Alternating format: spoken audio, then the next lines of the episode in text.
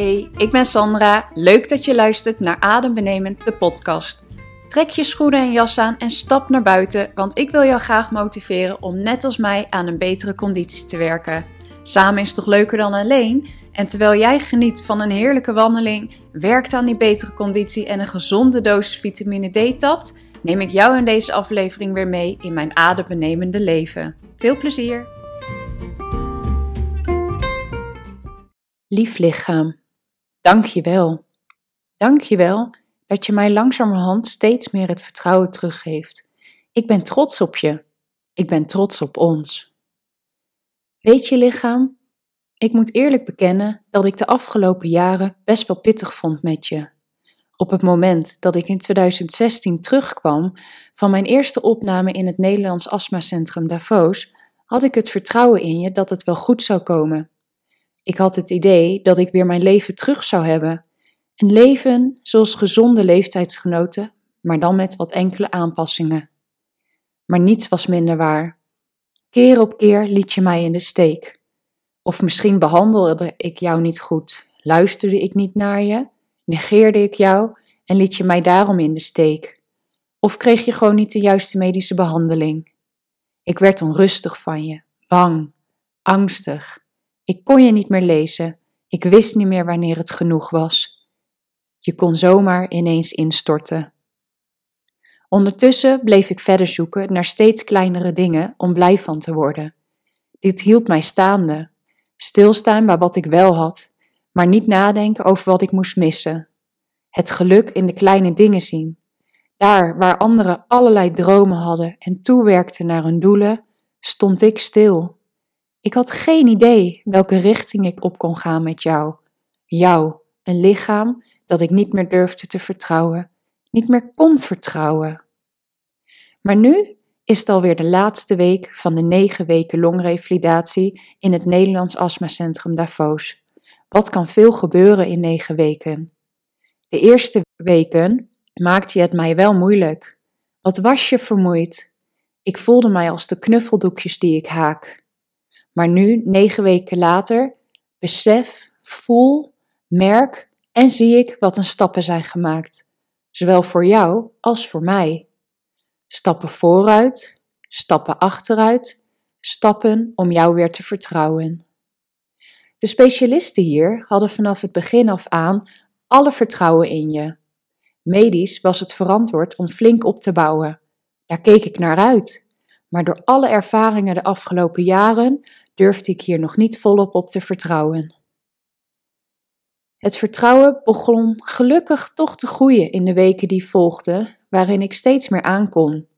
Waar eerst het volhouden van het programma al een uitdaging was, lukte het mij in de weken die volgden om naast het programma extra activiteiten te gaan ondernemen. Op een gegeven moment had je er toch weer even genoeg van. Geen idee waar het vandaan kwam, maar het was er. Je liet mij weer even voelen hoe het in Nederland was. Hoe je dan ineens gevloerd kan zijn. Ik werd hier zo gefrustreerd van.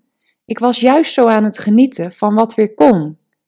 Ik wandelde weer kilometers, maakte mijn eerste hardlooprondjes, stapte op een mountainbike.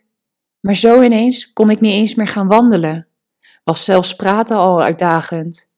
Ik moet bekennen dat het vertrouwen begon weg te zakken. Gelukkig had het team van specialisten nog wel het vertrouwen in jou. Terwijl ik gefrustreerd rondliep, bang dat alles voor niets was geweest, bang dat het nooit meer weer wat zou worden, hielpen ze mij. Met de juiste medicatie, ademhalings, ontspannings en rek- en strekoefeningen. Met de juiste tips en handvaten om meer naar jou te luisteren en mij te sturen om meer rust te durven nemen. Dit allemaal zorgde ervoor dat ik na twee weken weer terug was. Dit vond ik zo bijzonder. Ik merkte dat we echt als een team samen moeten gaan werken. Ik leerde om niet stil te gaan zitten in mindere perioden, maar ook dat ik niet hoef te pushen. Beweging en rust goed combineren. Niet uitdagen of opbouwen, maar laag belasten voor conditiebehoud. Ik moet nog beter leren om minder streng voor jou te zijn om minder van jou te eisen, om lief te zijn voor je. Jij hebt zo nu en dan gewoon die extra rust nodig. Ik liet mij hier vertellen dat ik dan lief voor ons mag zijn, dat we onszelf dan mogen verwennen. We hoeven daar niet extra hard te rennen of te werken.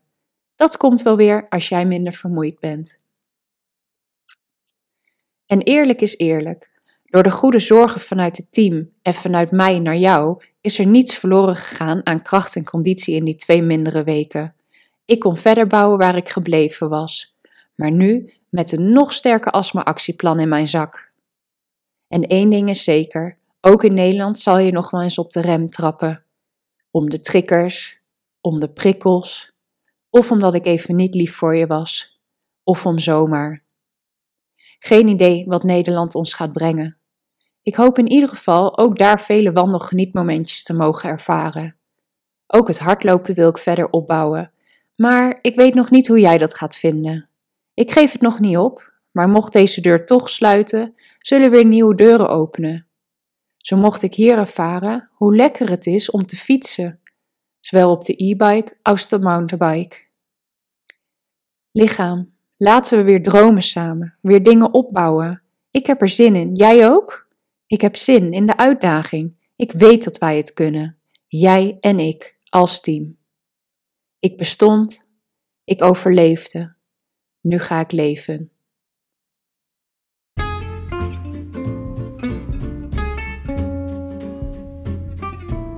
Je hebt zojuist geluisterd naar een aflevering van Adembenemend de podcast. Wil je meer weten over Sandra of meer verhalen lezen? Check dan adembenemend.blog. Tot de volgende keer.